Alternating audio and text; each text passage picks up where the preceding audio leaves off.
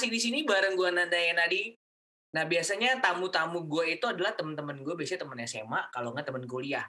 Dan biasanya dari kemarin sampai sekarang teman-teman kuliah gue yang gue undang itu belum pernah ada satupun yang memang uh, kerjanya tuh sesuai bidang kita pada saat waktu itu karena gue uh, jurusannya jurusan hubungan internasional, jadi harusnya jalurnya memang ke Deplu dan di, jadi diplomat. Nah kali ini gue berhasil uh, ngobrol, kita mau ngobrol sama salah satu temen gue dulu waktu kuliah gitu ya.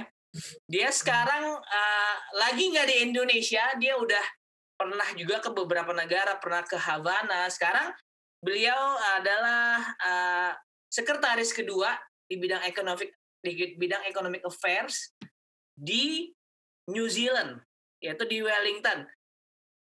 Nggak usah lama-lama, inilah dia bro gua, bro Randy Bagus, Pranantio. Bro, apa kabar bro? Halo Nan, apa kabar? Waduh, ini di Wellington jam berapa nih, bro? Sekarang setengah sepuluh malam. Wah, setengah sepuluh malam, gile. Tapi uh, masih seger nih kayaknya ya. Lagi di rumah. Masih, masih, masih. Baru balik ya. Masih, Ya tadi kebetulan lagi nggak terlalu sibuk di kantor, jadi Wih. sekitar jam tujuan udah di rumah. Oh. Ya karena di sini jadi kita harus biasalah masak-masak dulu, okay. bikin makan malam masak sendiri lah ya tapi udah udah udah udah biasa kan maksudnya kan lu udah iya, udah iya. bukan yang pertama kali ya, kan mau nggak mau lah mau nggak mau oke okay. uh, sebelum se sebelum kita mulai lebih lanjut nih uh, eh, gue mau disclaimer dulu kalau misalnya uh, Bro Randy ini panggilannya adalah kalau zaman kuliah adalah uh, Bro Atun gitu ya karena emang panggilannya Aton. Jadi gue nggak uh, biasa gitu kalau manggilnya Randy gitu ya. Jadi mungkin nanti sepanjang sepanjang percakapan ini mungkin uh, gue akan manggilnya Aton atau pakai bro gitu ya. Nggak apa-apa dan santai-santai daripada kita ngobrol kaku kan. Iya takutnya kaku gitu. Nah betul Tun. betul. Jadi nggak enak nggak lepas yeah. ngobrolnya. Bener. Nah Tun tadi gue udah gue udah gue udah gue udah kenalin kalau kita sama-sama kuliah di jurusan hubungan internasional. Nah, sekarang lu menggeluti sesuai bidang nih ceritanya. Kuliahnya HI, kerjaannya di Deplu. Nah, ceritain sedikit dong, apakah memang lu pada saat kuliah itu memang udah udah tahu gitu, gue pengen kerja di Deplu atau gimana sih yang akhirnya kalau lu bisa akhirnya masuk Deplu? Uh, jadi agak panjang nih ceritanya. Di, Jadi dari jangan panjang-panjang. Dari zaman SMA tuh, hmm. uh, gua ada saudara juga yang kebetulan kuliahnya hubungan internasional. Oke. Okay. Terus gua nanya-nanya lah ya ke dia karena sama-sama jurusan IPS kebetulan waktu itu. Hmm. Anak unpar juga bukan? Iya, kebetulan anak unpar juga senior kita dia uh, dua tahun di atas kita lah. Oh, Oke. Okay. Uh, nanya-nanya ngobrol sama dia karena uh, waktu itu kan jurusan IPS tuh nggak terlalu banyak pilihan ya. Hmm, hmm. Yang gua yang gua yang gua tahu gitu. Hmm, hmm. uh, nggak jauh-jauh dari ekonomi kayak akuntansi, manajemen, yeah. studi pembangunan yang hmm, kayaknya gue kok nggak terlalu tertarik gitu ya, hmm, hmm. Uh, karena basically gue nggak terlalu kuat lah di di pelajaran matematika gitu. Hmm. Jadi gue hmm. coba cari tahu ini hubungan internasional tuh apa sih? Yep. Ya sedikit dapat penjelasan nama dia, terus tanya-tanya kemungkinan karirnya apa. Hmm. Salah satunya adalah diplomat, jadi diplomat. Gue cari tahu lagi, hmm. wah kok kayaknya enak ya. Hmm. Uh, uh, lo bisa punya kesempatan untuk pergi ke berbagai negara gitu dalam rangka tugas gitu kan. Boleh lah, gue coba. Dan sebenarnya setelah kuliah pun biasa aja gitu jadi jangan nggak terlalu kepengen jadi jadi diplomat. Oke. Okay. Uh, setelah kuliah kan ada beberapa mulai dapat apa ya bukan pencerahan sih udah mulai agak sedikit lebih paham lah kira-kira kemungkinan kemungkinannya apa aja gitu ya bisa hmm. bisa ke mana aja. Hmm. Uh, tapi begitu lulus kuliah uh, penasaran sih awalnya nyoba. Hmm. Tapi sebenarnya nan uh, dibanding beberapa teman kita yang lain gitu ya, yang hmm. juga jadi diplomat terutama di angkatan kita ada beberapa kan. Iya, betul. Sebetulnya gue tuh yang paling terakhir masuk Deplu. Oh, oke. Okay. Jadi lu bukan first try kan? Deplu itu kalau nggak salah ada maksimal ya berapa kali coba gitu ya? Betul, Apa? betul. Ya kan? Jadi maksimalnya tuh kalau nggak salah seingat gue dulu berdasarkan umur. Hmm, hmm. Ketika hmm. lo menggunakan ijazah S1 itu kalau nggak salah maksimal umur lo 28 tahun. Oke. Okay. Dan kalau pakai ijazah S2 itu maksimal 32 tahun. Ya. Dan untuk S3 gue lupa batasan umurnya berapa. Hmm, hmm. Uh, dan ketika lulus kuliah, biasalah pertama yang didaftar adalah Deplu dulu. Oke. Okay. Dan itu gua yang pertama tidak lolos tidak lolos administrasi kalau nggak salah. Karena? Karena waktu itu nilai gua ijazah resminya belum keluar. Oh, oke okay, oke okay, oke. Okay. Akhirnya gua gagal di maksudnya belum berhasil di seleksi administrasi. Hmm, hmm. Jadi gua sempat kerja dulu tuh dan agak agak melenceng sih. Apa? Gak, Ngapain? Gak, Gak hubungan gitu. Gue sempat kerja di salah satu production house, bikin oh. satu acara quiz di TV gitulah. Hmm, hmm, hmm, hmm. Terus berikutnya tahun kedua coba lagi. Hmm. Tapi ini agak lucu nih. Kenapa tuh gimana? Cerita dong. Ini, ini yang jadi pelajaran banget buat gue sih. Jadi hmm. waktu itu gue lagi sibuk-sibuknya kerja, tapi hmm. menyempatkan diri untuk ikut tes uh, Kementerian Luar Negeri. Ya. Dan waktu itu zaman itu tes Kementerian Luar Negeri itu shock juga gue ketika datang ke ujian tertulis mm -hmm. yang datang kayak lebih dari sepuluh ribu orang di satu tempat yang sama pada saat yang bersamaan. Hmm. Sedangkan kalau salah itu di Kemayoran di hmm. PRJ. Wow, jadi di PRJ di indoornya gitu ya berarti?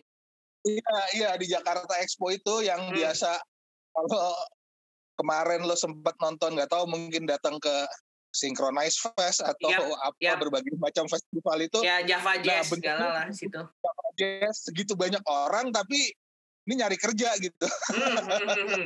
Terus semuanya pakai baju putih, pakai baju putih semua. Betul, betul. Semua pakai kemeja putih, celana bahan hitam. Nah, oke okay, oke okay, oke. Okay. Agak intimidatif, ngerjain soal ya kita ngerjain aja biasa gitu. Gue juga nggak udah nggak terlalu inget apa soalnya waktu itu. Cuma nggak yakin juga akan lolos gitu. Hmm, hmm, hmm. Uh, setelah itu gue kerjain udah gue nggak terlalu banyak mikirin deh. Gue sibuk kerja lagi. Hmm. dan kebetulan gue sempet telepon teleponan sama salah satu teman kita yang udah duluan masuk di Deplu oh, di Kemlu waktu itu. Yep. Angga waktu itu. Angga, Angga Medan. Ya, Angga Medan. Iya, ya dia udah keterima duluan hmm. dan dia udah udah masuk malah udah udah tugas di Kementerian Luar Negeri. Iya. Uh, gue ingat uh, nggak kalau nanti hasil pengumumannya keluar, mm-hmm. tolong lihat di nama gue ya.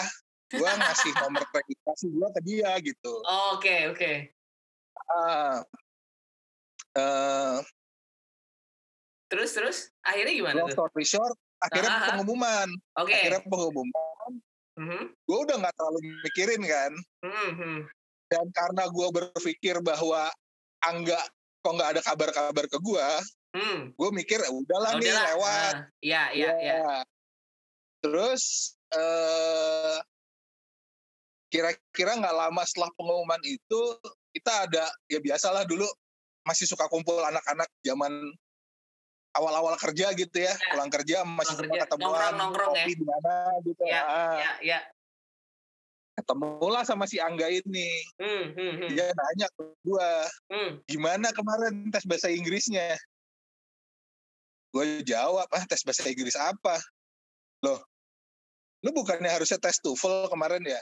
Tes tahap kedua gitu, maksudnya setelah... Iya, setelah yang kemarin itu, pertama, ya. Ah, gue bilang, emang gue lolos? Gue nggak ngecek sih abis lu nggak ngabarin. Ternyata si Angga udah lihat nama gue ada. Oh cuma dia God. berpikir nggak nggak mungkin nih anak nggak ngecek gitu. Oh ya yes, jadi dia tidak kasih tau gue ketawa-ketawa aja. Jadi gue di situ melewatkan melewatkan uh, ya itulah kesempatan yang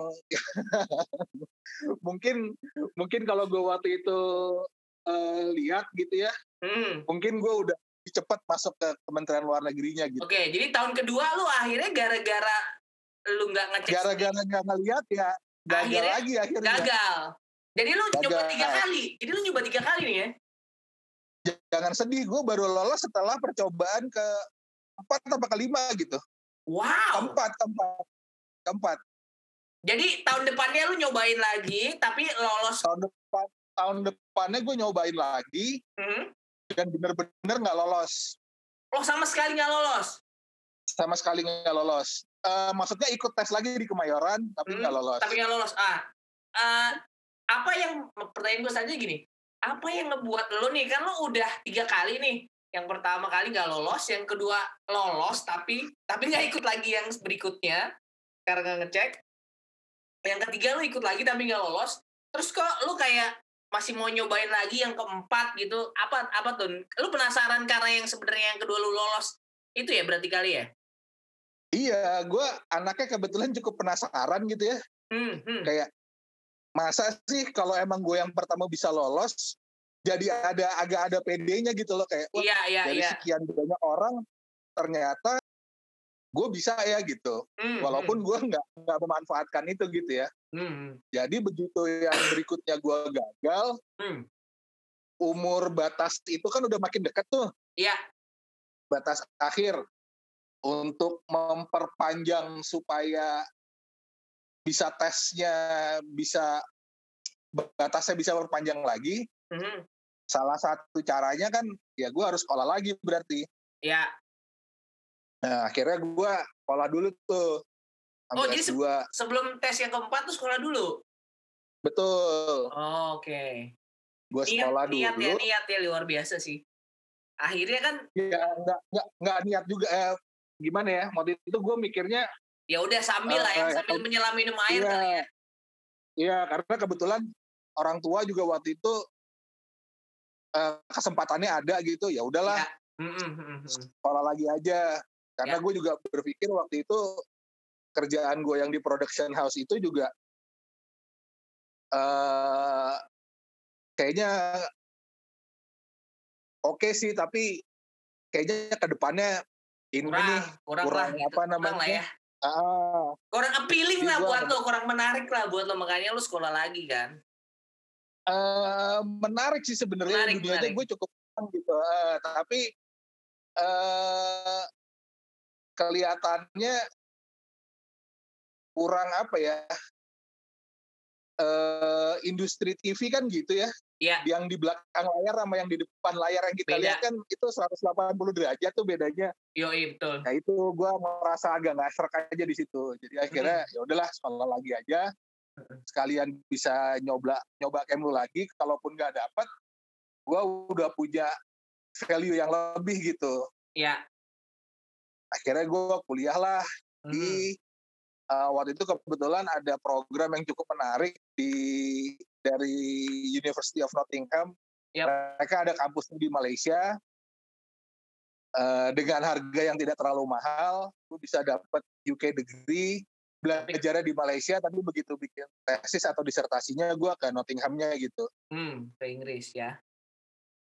Jadi gue ambil itulah apa tuh jurusan lo apa tuh dulu S2 lo tuh? Gua ambil sebenarnya dia adanya jurusannya untuk yang lebih ke bisnis dan ekonomi. Hmm. Tapi supaya gua masih dapat sense HI-nya gitu, gua ambil International Business Management. Oke. Okay. Jadi gua ambil lah jurusan itu. Hmm. Tingkat cerita, selesai itu gua wisuda itu Januari ya, Januari mm -hmm. 2000 Januari atau Februari 2010. Oke. Okay.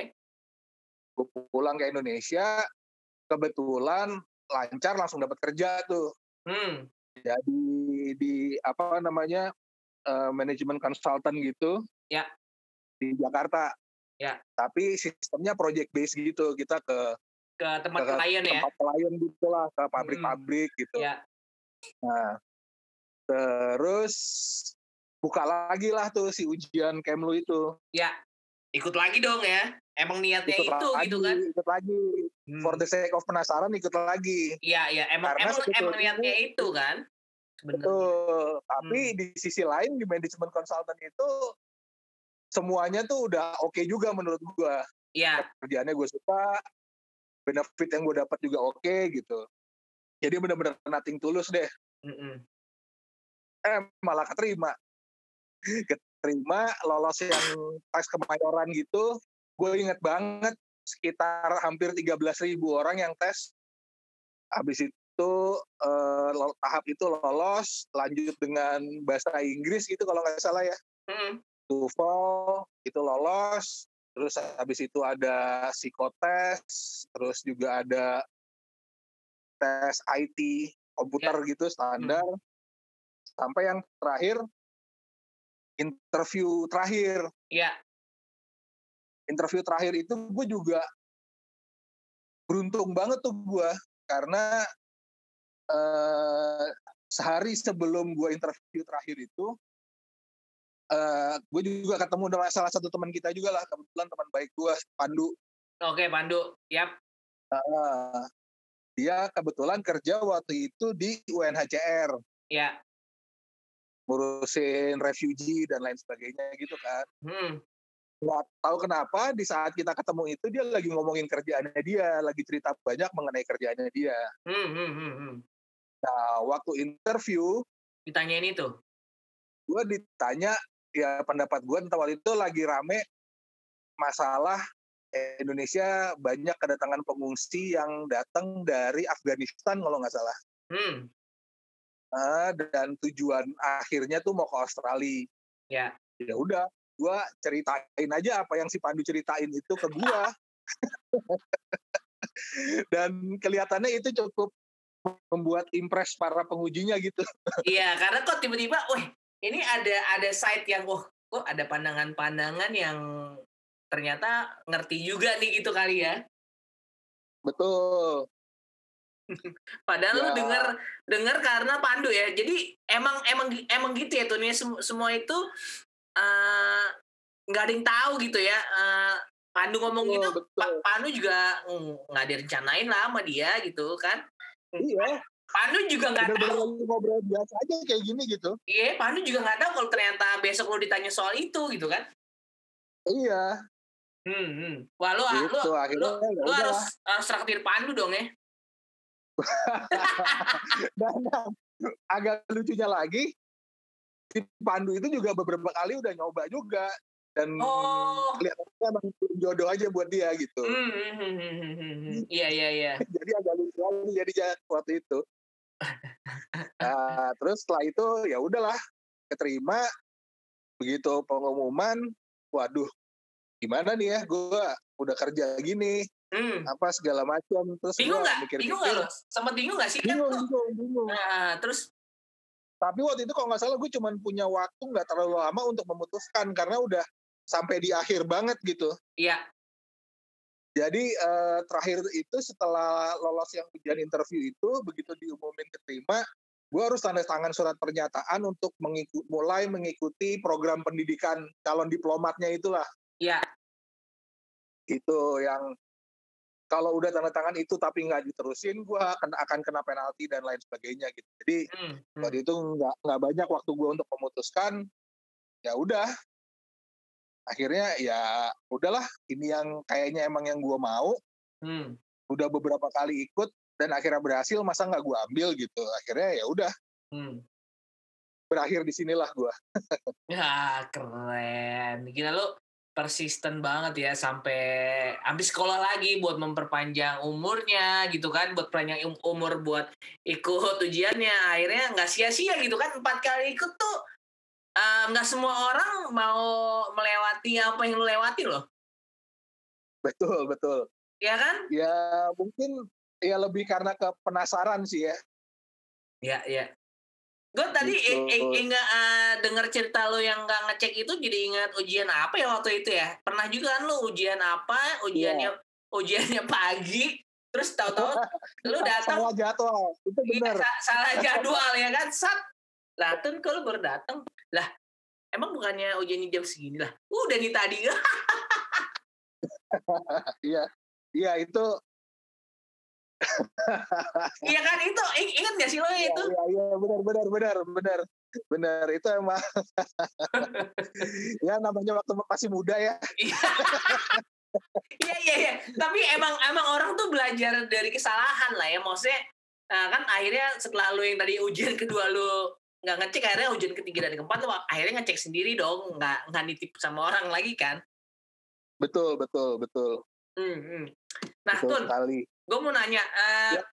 jadi kan lu sebelum di Wellington ini juga sempat di penempatan tuh sempat di Havana ya? Mungkin kalau buat orang-orang orang-orang yang di luar sana itu mungkin pengen pada pengen tahu juga pada saat lu udah lulus uh, apa tadi? Kan abis lulus terus lu ikut program pelatihan lah ya pelatihan abis itu ya jadi dari Kementerian Luar Negeri itu begitu kita lolos seleksi menjadi uh, diplomat Kementerian Luar Negeri hmm. kita diwajibkan mengikuti pendidikan ya. Sekdilu namanya Sekolah Dinas Luar Negeri yep. itu kurang lebih pendidikannya selama satu tahun hmm. ya itu macam-macam lah di situ Ya. Uh, Habis itu baru baru dikirim ke pos-pos gitu ya, di ke mana ke mana ke mana gitu ya.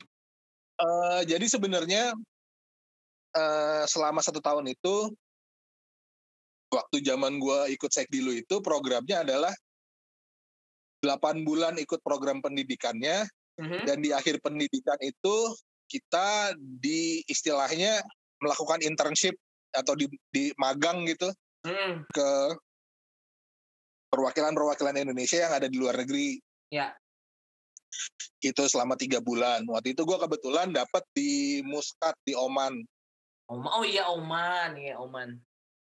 Bener, Oman sempat di Oman. Itu. Nah, itu penempatan itu emang emang diatur sama Kemenlu-nya atau kayak lu boleh boleh ada request atau atau gimana sih tuh?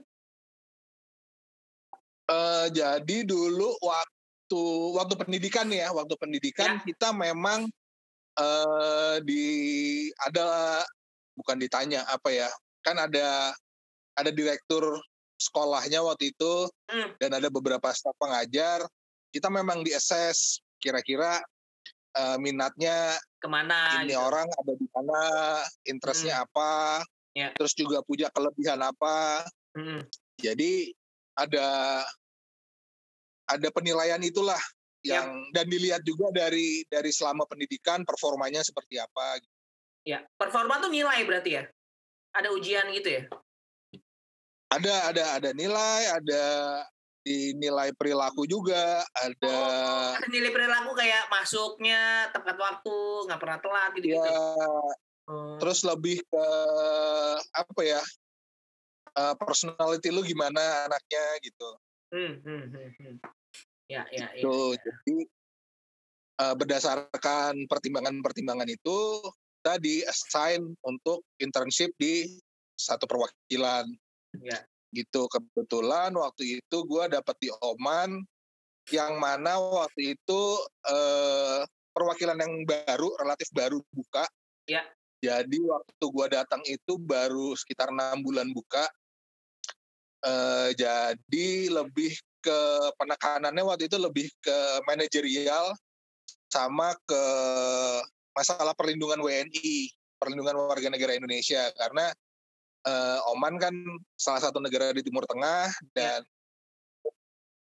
di daerah itu kan banyak pekerja migran asal Indonesia.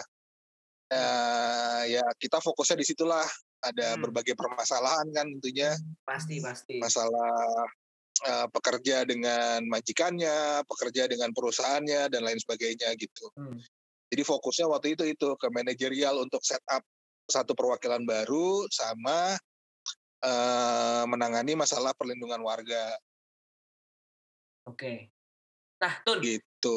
Kan tadi lu ya. cerita ya. kalau di Oman itu lu baru enam bulan, jadi lebih yang ditekanin lebih ke manajerial. Nah, kalau sekarang kan lo di New Zealand tentunya kan ini tempat yang emang udah udah lama dong ya, maksudnya udah ada perwakilan Indonesia itu lama gitu di New Zealand. Bedanya betul, apa? Betul, Bedanya betul. apa tuh?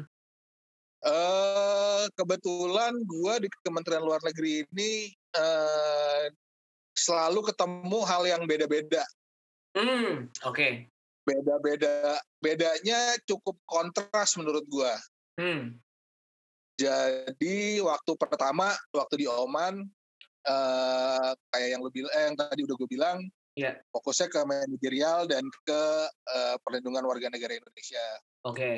Terus pulang dari Oman, penugasan di dalam negeri, gue dapat penugasan di Direktorat Jenderal Kerjasama ASEAN. Oke. Okay. Gue di Direktorat Kerjasama Ekonomi ASEAN waktu itu menangani hmm. masalah ekonomi kerjasama ekonomi di ASEAN. Uh, kalau itu gue nggak terlalu kaget karena kebetulan background S2 gue memang uh, international business jadi masih ada irisannya lah. Mm-hmm. Gitu. Eh tapi uh, untuk tahu bentuk kerjasamanya di ASEAN seperti apa ya itu merupakan hal baru. Jadi gue di kerjasama ekonomi ASEAN itu kurang lebih 2012 sampai 2017 sekitar lima tahunan lebih lah. Habis itu gue dipindah ke dapat penugasan ke uh, perwakilan kita yang di Havana di Cuba. Di Cuba, ya. Ya, yeah, it's a whole different story. Ya, pasti di suatu negara yang punya sistem ekonomi dan pemerintahan quote unquote agak anomali dibandingkan negara-negara lain mm-hmm. karena mereka masih sosialis. Ya. Uh, uh, partainya pun juga partai komunis yang berkuasa di sana dan hmm. sedang diambargo oleh Amerika Serikat. Jadi kerjasama kita dengan Kuba tuh nggak banyak minim sekali di bidang ekonomi. Iya. Waktu itu kita banyak ngurus kerjasama masalah politik. Tapi gue kebetulan di sana ditaruh di fungsi penerangan dan sosial budaya.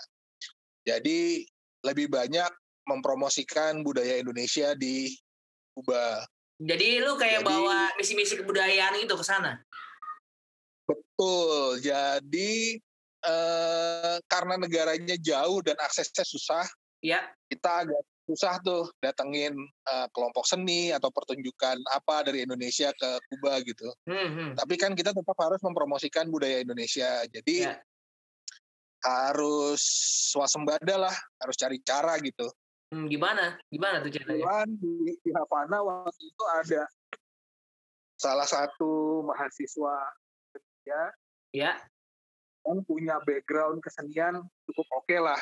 Hmm tahu banyak jenis tarian dan lain sebagainya. Oh, akhirnya lu kerja sama sama dia. Ya, di sana kita inilah bikin sanggar tari. Oh. Bikin sanggar tari, ngerekrut uh, pelajar-pelajar setempat gitu yang tertarik. Hmm. Bikin latihannya, ngurusin latihannya, terus ya kita bikin perform.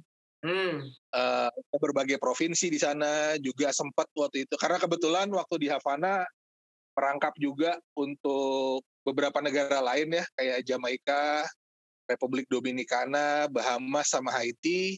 Mm-hmm. Jadi kita juga sempat promosi budaya waktu itu ke Jamaika sama Dominican Republic. Oh. Gitu. Jadi beda banget tuh yang diurusin yang tadinya ngurusin kerja sama ekonomi, tiba-tiba ngurusin budaya gitu ya. Sidang dan lain sebagainya. Iya, kali ini ngurusin budaya dan ngurusin tari-tarian tradisional dan Hmm. Kebetulan juga gue nggak punya background yang cukup banyak di situ, jadi ya agak challenging dong buat lo atau nggak biasa aja? Lumayan, lumayan, lumayan. Tapi ya alhamdulillah, alhamdulillah bisa bisa bisa berjalan. Hmm. Cukup intens malah terakhir-terakhir tuh uh, banyak kegiatan kita ke berbagai provinsi atau ke hmm. negara rangkapan lainnya gitu untuk hmm. mempromosikan budaya Indonesia Hmm. Ya cukup ini sih awalnya kaget tapi lama-lama wah seru juga gitu. Ya. Dan terus dua tahun di Havana karena kebetulan gue penempatannya itu yang cross posting. Yep. Gue pindah ke KBRI Wellington di New Zealand yang lagi-lagi uh, very different story di sini. Uh, establish hubungannya udah cukup lama, Mm-mm. bentuk negaranya juga berbeda, kerjasama kerjasamanya juga berbeda. Dan kebetulan di sini gue menangani ekonomi ya sesuatu yang beda lagi. Tapi sesuai bidang lo dong. Sesuai bidang, ya tapi kan uh, tetap hal yang baru dibandingkan ya. dengan hal sebelum apa yang gue kerjain sebelumnya. Iya, iya, iya. Dulu dulu lo soalnya ASEAN gitu ya, sekarang lo oh, lebih uh, uh, ya sama lah gitu ya sekarang ya. Iya, kerja sama di ASEAN kan dulu kan kita lebih ke bagaimana uh, mendesain sebuah kerjasama, gimana hmm. merundikan sebuah kerjasama. Sementara kalau di sini uh, gua atau tim ekonomi ini lebih banyak uh, dituntut untuk bagaimana bisa mendorong uh, ekspor Indonesia ke New Zealand itu bisa lebih banyak. Gimana oh. bisa menarik investasi dari investasi dari New Zealand ke Indonesia. Iya, iya. Gimana ya. kita promosiin pariwisata supaya turis dari New Zealand yang datang ke Indonesia bisa lebih banyak. Ditambah hmm. juga sekarang di era pandemi ini semuanya berubah gitu. Jadi Hmm. Nah, perjalanan gue di Kementerian Luar Negeri ini cukup berwarna-warni gitu ya. Nah, tadi gue ngomong pandemi nih gue gue juga mau nanya nih kan lu itu berangkat ke sana bulan Januari ya? Bener gak sih Januari tahun ini ya? Uh, iya iya, tiga gue sampai di sini 31 Desember. Oh, oke, okay. 31 Desember even ya. Berarti kan nggak lama abis itu terus tiba-tiba ada COVID gitu kan? Nggak lama, nggak lama. Gak ada yang tahu gitu kan? 31 Desember nyampe, iya gue inget banget tanggal 14 Februari gue dapat rumah, pindah rumah, masih persiapan ngurusin apa segala macam, tiba-tiba pertengahan Maret lockdown. Hmm. Nah, gue gua mau mau mau bahas itu tuh kan uh, kalau ini kan gue gue uh, baca berita, nonton TV gitu ya, kan si New Zealand ini salah satu yang sangat-sangat berhasil lah dalam menangani COVID gitu ya, karena emang yeah penyebarannya juga minim banget gitu, minim sekali gitu. Emang uh, yang lu rasain gitu ya, lu kan lu ada di sana gitu. Boleh ceritain sedikit nggak? Apakah iya. memang seketat itu atau apa gimana sih yang yang bikin beda tuh apa sih tuh kalau di situ tuh? Yang bikin beda, uh, gue uh, bukan bermaksud membandingkan ya. Iya iya memang memang gue juga nggak ada perbandingan ya. Iya, ya, karena sebenarnya pandemi ini kan sesuatu yang baru buat semua orang ya. Sesuatu yang baru buat semua orang yeah. dan belum ada presidennya gitu. Iya, betul. Hmm, kalau menurut gua eh kebetulan negara ini penduduknya cuma 5 juta. Ya, lebih sedikit lah ya, jauh banget gitu itu. Iya. Itu mah cuma satu Jakarta Selatan kali itu. Iya, uh, penduduknya cuma 5 juta. Wellington dengan... sendiri berapa tuh? Wellington itu 5 juta atau 5 juta atau satu New Zealand? 5 juta itu the whole New Zealand. Oke, okay, Wellington lebih, lebih dikit lagi dong berarti. Lebih dikit lagi, jauh, jauh lebih dikit. Hmm. New Zealand, uh, Wellington itu kota terbesar ketiga. Jadi mungkin nggak lebih dari satu juta, 1,2 hmm. juta gitu mungkin penduduknya. Oke. Okay. Uh, gue ngelihatnya sih pemerintah Selandia Baru nih yang dipimpin oleh perdana menterinya canggih banget menurut gue perempuan hmm. namanya hmm. Jacinda Ardern. Yep. Dan umurnya cuma beda satu tahun sama kita. Yap. Betul masih muda banget. Jadi masih tergolong tergolong muda, tapi dalam menghadapi pandemi ini dia bisa cukup tegas dan cukup berani.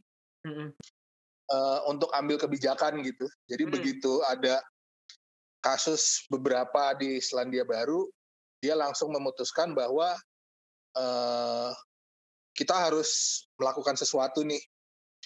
Uh, dan prinsipnya dia waktu itu kampanye yang disampaikan ke masyarakat itu adalah go hard, go early. Jadi kita harus melakukan ini sekuat mungkin dan secepat mungkin. Hmm. Karena kalau kita melakukannya eh, apa namanya terlambat, serius gitu benar-benar hmm. dan secepat mungkin yep. kita menurut pendapat dia kita akan bisa keluar dari pandemi ini juga bisa lebih cepat. Hmm. Itu jadi kayaknya keputusannya nggak lama waktu itu langsung lockdown eh, dengan berbagai kompensasi ya uh, subsidi apa segala macam tapi benar-benar semuanya tutup selama sebulan lebih. Hmm.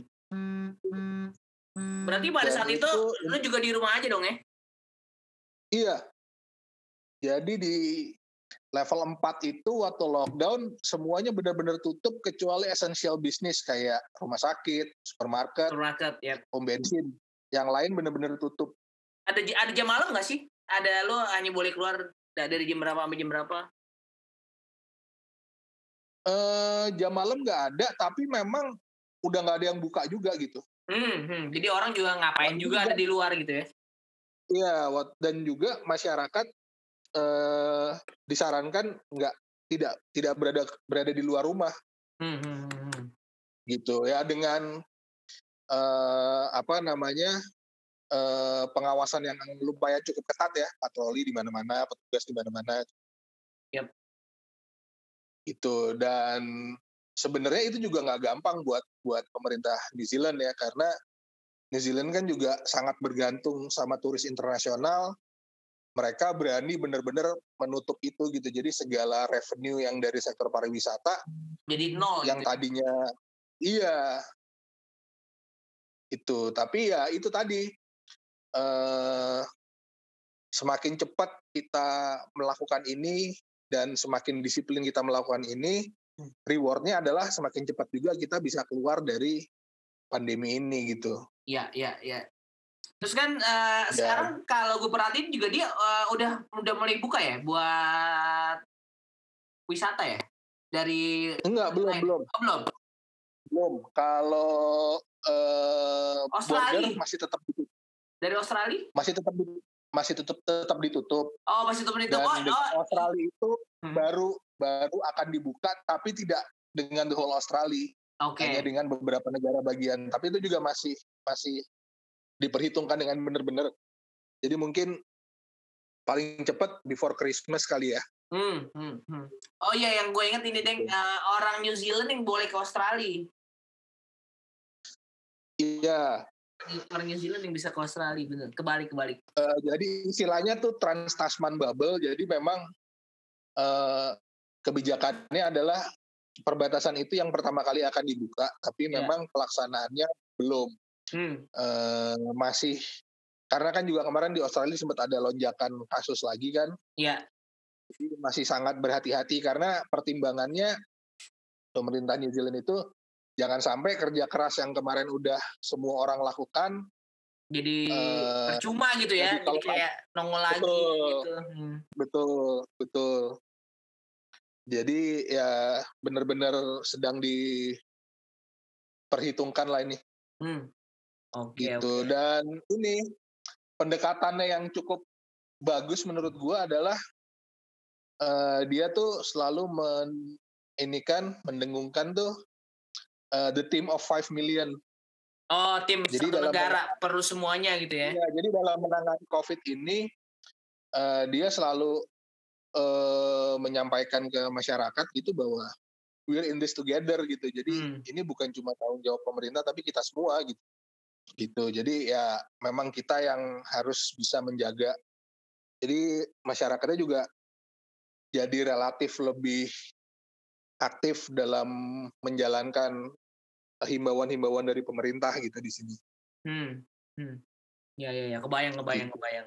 Nah, Tun, uh, keluar dari dari obrolan COVID lah ya kita sekarang jangan terlalu serius soal COVID itu gue mau mau bahas sisi lain dari Wellington gitu nah lu kan uh, udah sempat ke Oman udah sempat ke Havana iya, Kuba iya, iya. gitu sekarang lu di Wellington nah uh, kalau makanan lu ada bermasalah nggak sih kan lu harus kayak penyesuaian penyesuaian penyesuaian nah sekarang lu kalau di Wellington itu banyak orang Indonesia nggak sih Ke, kebetulan karena gua pecinta makanan ya jadi iya.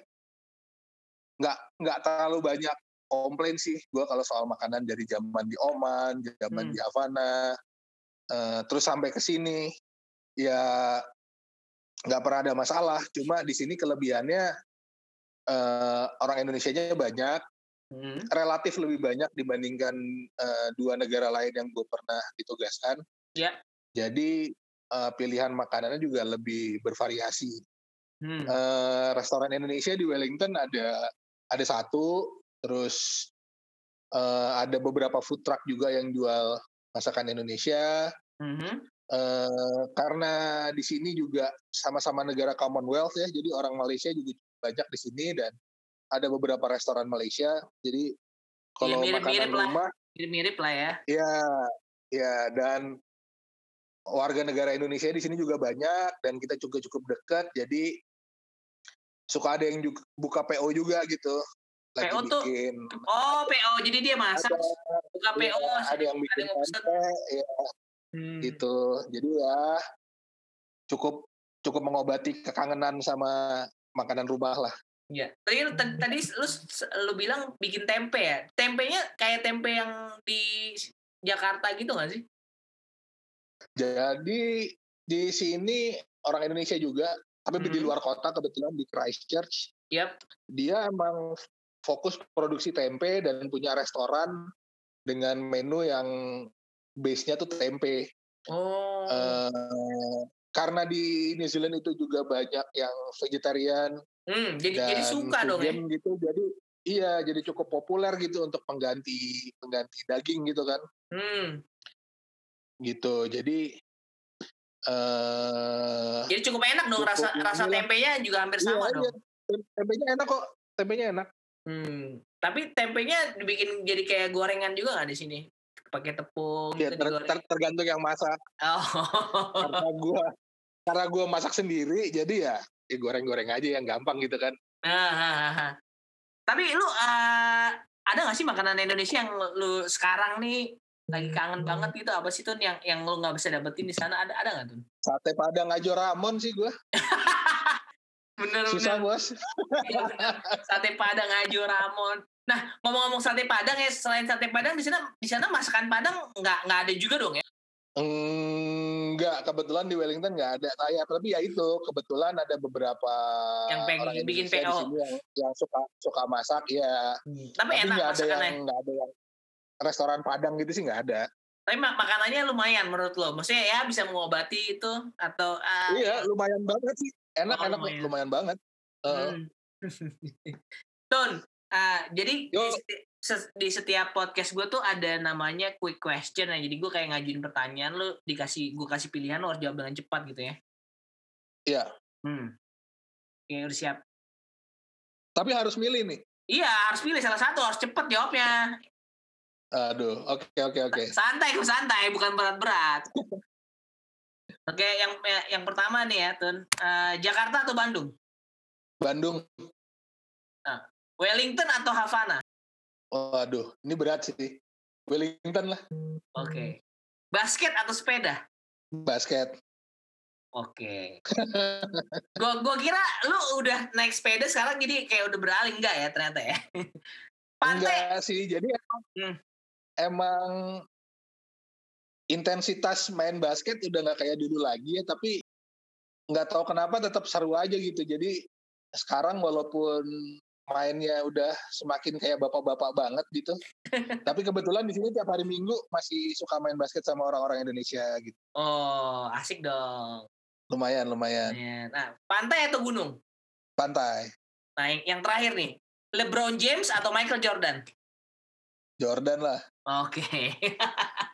itu tuh lima pertanyaan buat lo. Tadi tadi lu lu bisa agak bingung soal Wellington sama Havana, tapi kan lu baru di Wellington baru sebentar tuh.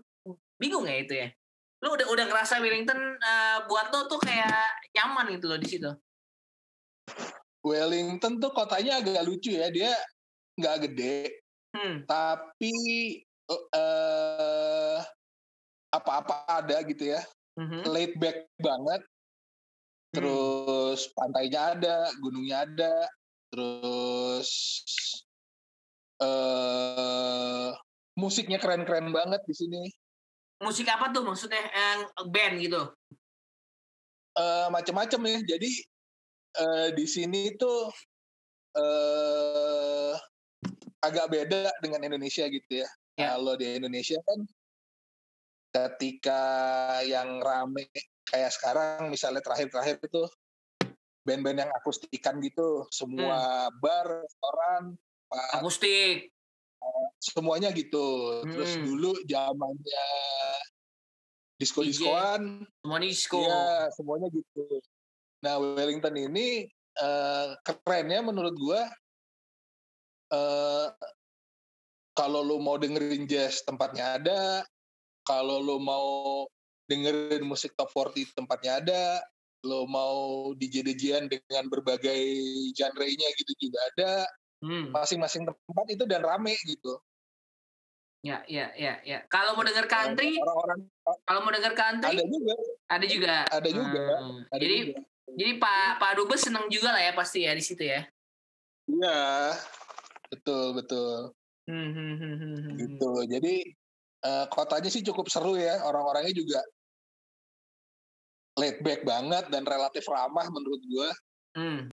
Nah, Tun, tadi kan kita udah ya. ba, udah ngomongin makanan segala macam, lu bilang di situ musiknya enak. Nah, salah satu yang terkenal di Wellington atau di New Zealand itu kan namanya HK, HK Dance. Nah, lu, lu sendiri pernah nyobain nari HK? Uh, eh, lihat pernah, tapi nah itu di sini tuh uh, eh, HK itu cukup sakral buat. Oh, jadi hanya orang, orang New Zealand aja yang orang, boleh.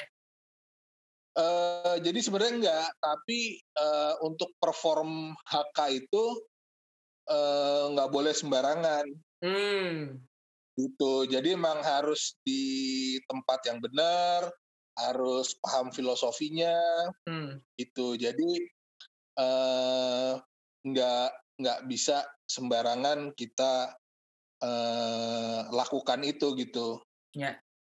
Kalau lo sempat ingat dulu sempat ada video viral uh, turis-turis gua nggak tahu asal Australia atau asal New Zealand lagi di Bali. Mm-hmm. Kalau nggak salah di Potato Head gitu.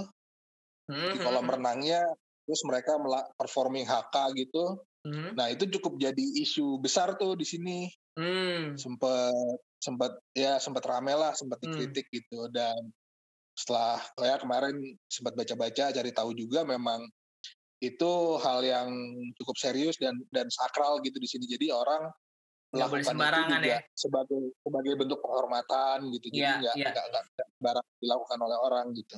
Hmm oke okay, oke okay, oke okay. baru baru gitu, karena di New Zealand itu juga uh, mereka sangat uh, menghargai budaya lokal mereka ya budaya budaya Maori gitu mereka sangat hmm. uh, menjunjung tinggi banget gitu. Hmm. Orang Maori sendiri lu suka banyak ketemu juga kan di sana. Karena ketemu, waktu, ketemu. banyak ya. Karena waktu gua banyak, di banyak. waktu gua di Melbourne itu ada sih memang orang aborigin gitu ya. Cuman orang aborigin tuh kalau di Melbourne tuh kayak kayak di apa ya kayak di pinggir-pinggirin gitulah kayak kayak gue nggak ngerti kenapa nah, tapi kalau di sini pemerintahnya sangat mempreserve budaya Maori itu gitu hmm. jadi hmm. uh, masyarakatnya juga warga negara Selandia Baru yang keturunan Eropa, yang orang Maori, yang ataupun imigran lain gitu di sini ya, ya hmm. mingle aja gitu berbaur, nggak ada mm uh, apa ya uh, kayak satu daerah yang khusus atau bentuk-bentuk pekerjaan yang hanya untuk orang tertentu gitu sih enggak. Enggak cukup, ya? cukup mix dan cukup berbaur sih orang-orangnya. Hmm, hmm. ya ya ya. Nah gue kemarin sempat uh, lihat uh, video YouTube juga lupa siapa. Cuman kalau gue perhatiin kayaknya di New Zealand tuh agak mirip sama Australia. Maksudnya mirip tuh gini mirip tuh banyak banyak orang dari berbagai negara ada di situ gitu ya. Jadi Tidak. jadi jadi campur aduk gitu kayak internasional pot gitu semua ketemu di situ gitu ada macam-macam budayanya juga ada membawa, membawa budaya masing-masing. Even ya di mana-mana Chinatown juga ada ya di situ ya ada, ada, ada. Hmm. Jadi emang emang New Zealand tuh salah satu negara yang cukup terbuka buat pendatang. Hmm. Jadi di sini benar-benar berbaur aja gitu, natural ya, nggak yang uh, tempat satu khusus budaya tertentu gitu juga enggak sih. Jadi rasis nggak sih tuh orang-orang lokal? Enggak sih. Enggak ya? Hmm. Soalnya orang Austra orang Australia, orang yang orang kulit putihnya agak lumayan rasis sih gue dulu. Ah sempat ada beberapa perlakuan lah yang gue dapetin gitu, mereka rasis gitu ya. Cuman kalau di sini enggak sih. Enggak ya. Hmm. Di sini uh, apa ya? uh, lo boleh hidup bebas dan semua difasilitasi gitu. Ya, Jadi ya, asal sesuai dengan semua, hukum yang ada lah ya. Betul. Jadi uh, di sini rumah ibadah untuk semua agama ya semua agama selama ada orangnya juga ada nggak pernah ada dihalangi atau apa lalu hmm. juga uh, eh, LGBT juga hak-haknya dipenuhi di sini hmm, hmm, hmm. terus berbagai macam suku bangsa ada di sini gitu jadi cukup cukup uh, plural sih dan cukup berwarna gitu dan semuanya uh, bisa menjalankan apa yang mereka yakini dengan bebas gitu di sini. Hmm, hmm, hmm. Ya, tapi bagusnya juga tingkat toleransi di antara masyarakatnya juga tinggi sih. Ya, ya, ya. gitu. ya. Tun, uh, lagi-lagi ya. uh, bentar lagi nih kita udah mau sampai di penghujung pertanyaan nih, gitu ya. Uh, Siap. Walaupun juga gimana pun juga ya memang ya karena waktu lagi lah gitu ya yang harus memisahkan kita cie nah Ton kalau menurut lu nih Ton orang ya kalau kalau mau jadi seorang diplomat nih menurut lu apa sih yang harus dipunyain Ton uh, kalau skill atau ilmunya itu bisa belajar lah kayak okay. uh, eh, karena di teman-teman gue sendiri backgroundnya macam-macam ada yang backgroundnya sastra ada yang ya. backgroundnya yeah. ekonomi backgroundnya hukum dan walaupun yang mereka kerjakan sehari-harinya bukan itu, tapi mereka bisa perform dengan baik gitu. Jadi hmm. menurut gue sih adaptability sih yang harus hmm. dipunyai harus gitu ya? punya gitu. Apalagi hmm. nature kita uh, berpindah-pindah tempat tugasnya, terus hmm. juga uh, isu yang ditangani juga sangat berbeda-beda gitu. Jadi ya. memang kita dituntut untuk bisa beradaptasi dengan cepat dengan hmm. lingkungan hmm. setempat gitu. Okay. Terus yang satu lagi menurut hmm. gua open minded sih. Jadi kita Oke, okay, uh, karena banyak-banyak lihat beberapa perbedaan sama yang lu biasa lihat gitu ya. Betul, betul. Jadi masyarakat yang berbeda, budaya yang berbeda, kebiasaan yang berbeda dan uh, rotasi dan mutasi di uh, tempat kerja gue ini kan cukup tinggi. Hmm. Jadi selain kita harus beradaptasi beradaptasi dengan pekerjaan, kita juga harus bisa beradaptasi ketemu dengan uh, senior yang berbeda, ya. ketemu dengan kebiasaan di tempat kerja yang baru, terus juga rekan-rekan uh, kerja ya teman-teman kerja yang baru gitu. Jadi itu sih harus harus harus bisa cepat menyesuaikan diri dan itu tadi harus lebih terbuka lah hmm. buat ide-ide baru. Jadi kalau kan kadang-kadang ada orang yang suka bilang tuh ah main lu kurang jauh tuh bener berarti ya. itu ada benernya emang. Ada bener ya kurang berarti lu belum benernya. belum melihat semua dunia lah ya karena kan dunia ini luas sekali gitu sebetulnya. Betul betul dan ya nilai-nilai uh, orang-orang yang kita ketemui along the way kan dia juga beda-beda gitu beda, ya. Beda, betul, betul, uh, betul. Terus juga ketemu dengan counterpart di tempat kita kerja juga berbeda-beda kan. Ada yang yep. Iya. ketemu dengan businessman, ada yang ketemu dengan akademisi, ada yang ketemu dengan seniman. Hmm. Itu kan uh, cara kita berinteraksi juga akan berbeda gitu. Beda, gitu. Jadi betul, betul. Ya, jadi harus itulah harus ya. pandai-pandai ya. menyesuaikan diri. Keren keren tadi gitu. adaptability sama open mind ya. Nah Tun. Iya. Kalau lu ya. boleh milih nih ya, kan lu pasti uh, cita-cita lo at one point lu pengen pengen jadi dubes. Iya gak sih? Lu pengen jadi dubes gak sih? By the way, jangan lu gak pengen gitu. Pengen lah. Pengen ya? Nah, kalau lu boleh iya. milih ya, kita berandai-andai lah ya. Kita berandai-andai ya kan. Kalau lu boleh milih, lu pengen jadi dubes di di negara apa tuh? Waduh, susah juga ya. emang emang lu gak, emang lu gak pernah pikirin? Maksud gua kalau kalau kan kali lu pengennya di mana? Kan lu pasti kan kalau ketemu sama teman-teman lu mungkin yang pernah ditugasin di mana di mana di mana. Lu pernah dengar ceritanya. Atau mungkin lu juga ada cita-cita lu sendiri gue pengen di negara mana gitu.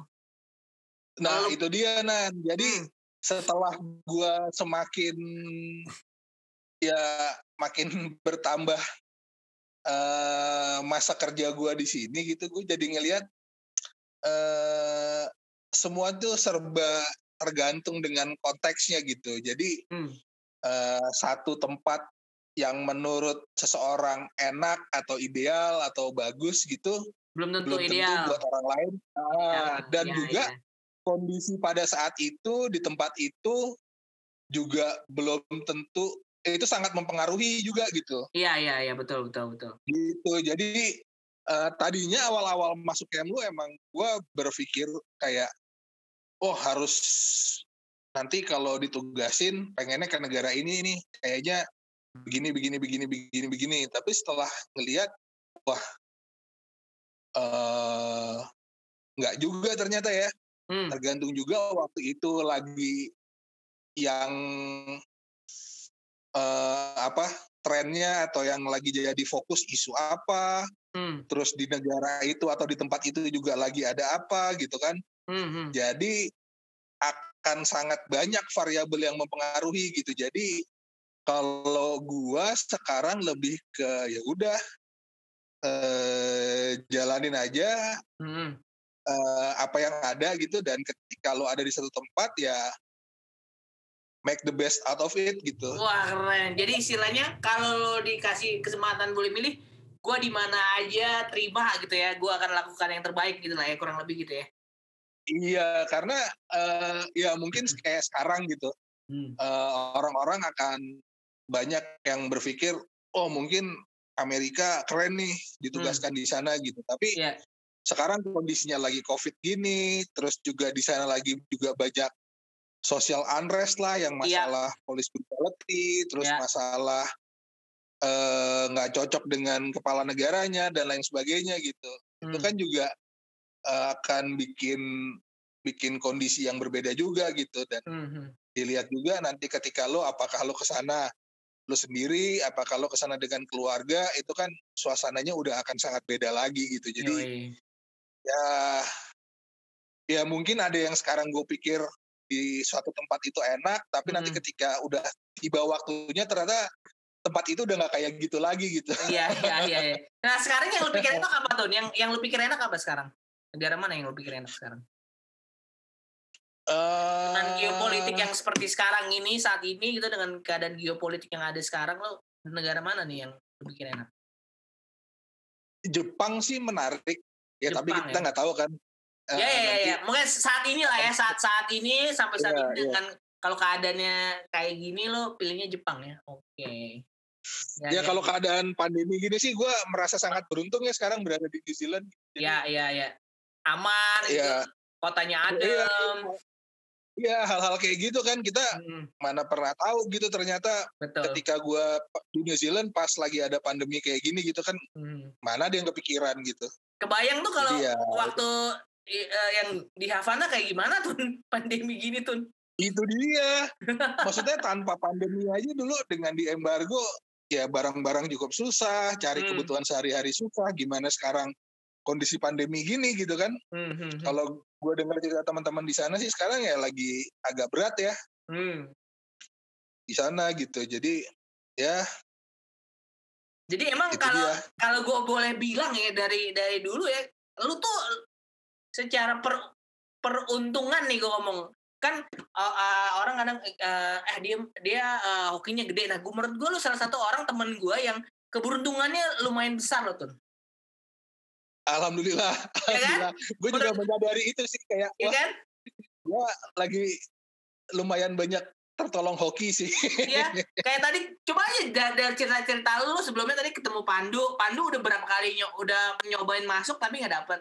Kayak lu, lu tiba-tiba besok ujian ketemu Pandu, Pandu cerita, ternyata yang ditanyain soal itu. Dan lu bisa jawab gitu lah ya. Terus tiba-tiba lu sebelumnya Havana, lu pindah ke New Zealand, taunya eh, nggak lama New Zealand, uh, pandemi terus New Zealand salah satu negara yang oke okay penanganannya jadi lu aman gitu kan maksud gue yang hal-hal kayak gitu yang tanpa disadari kalau menurut gue lu salah satu orang yang cukup beruntung lah. Ada ada keberuntungan lah. Mau nggak mau kan hidup juga iya. butuh keberuntungan lah ya. Walaupun gimana pun juga lah ya tetap ada butuh hoki lah gitu. Dan lu cukup orang yang cukup hoki menurut gue. Betul alhamdulillah alhamdulillah. Alhamdulillah. Menyadari itu sih kayaknya emang harus banyak-banyak bersyukur gue. Iya Iya iya. Iya. Tun, terakhir uh, ada yang mau lu sampein nggak buat teman-teman lo di Jakarta atau anak-anak uh, Unpar atau siapa gitu pesan apa yang mau lu sampein nggak terakhir? Ya karena sekarang masih di era pandemi ya, jadi ya uh, stay safe lah semua. Yep. Uh, maksudnya uh, tetap jaga diri, tetap ikuti protokol-protokol kesehatan gitu ya. Mm-hmm. Uh, apalagi juga di Indonesia kan lagi rame nih ya. Sekarang ada demo, ada bener bener segala macam gitu. Hmm. Uh, ya walaupun gue di sini kan, tapi tetap keluarga gue, teman-teman ya. gue semua masih di Indonesia gitu. Jadi betul betul. Uh, ya gue mendoakan yang terbaik lah buat buat Indonesia dan nih pandemi biar segera bisa cepat berakhir lah. Berakhir, ya, ya. Mm-hmm. Sip, sip. Udah kelamaan nih bos, 9 asli, bulan gila Asli, loh. Udah melahirkan ya kalau istilahnya, kalau 9 bulan tuh udah iya. melahirkan tuh. iya, terus juga ya teman-teman kita kan juga banyak yang entrepreneur gitu ya, kayak lo, terus ya ada beberapa lain kayak Yoki gitu. Gue nggak kebayang sih gimana beratnya sekarang. Waduh, nggak usah dibayangin bro. Aduh Gak usah dibayangin, di, dijalanin aja. Kalau dibayangin puyeng. Betul, eh, betul, betul. Tun. Ya, semoga cepat selesai lah nih corona. Amin, amin. Tun, makasih banyak waktunya Yuk, udah udah sama-sama nan, ngobrol-ngobrol sama gua. Ya, Itu Naner sini, gua yes. diajak ngobrol di podcast gini. gua lah yang yang yang merasa terhormat nih lu mau meluangkan waktu lu buat gua udah ngobrol-ngobrol. Oh, enggak lah, anytime kan, anytime kalau buat lo sih. Ya, thank you man. Anda gitu. Tai. Anak main. Semoga sehat-sehat terus ya Tun di sana Tun. Amin, amin lu juga sehat-sehat Nan. Keluarga. Sip, amin untuk keluarga lu juga ya. Sampai ketemu okay. lagi Tun. Siap. Oke okay, Nan. Bye.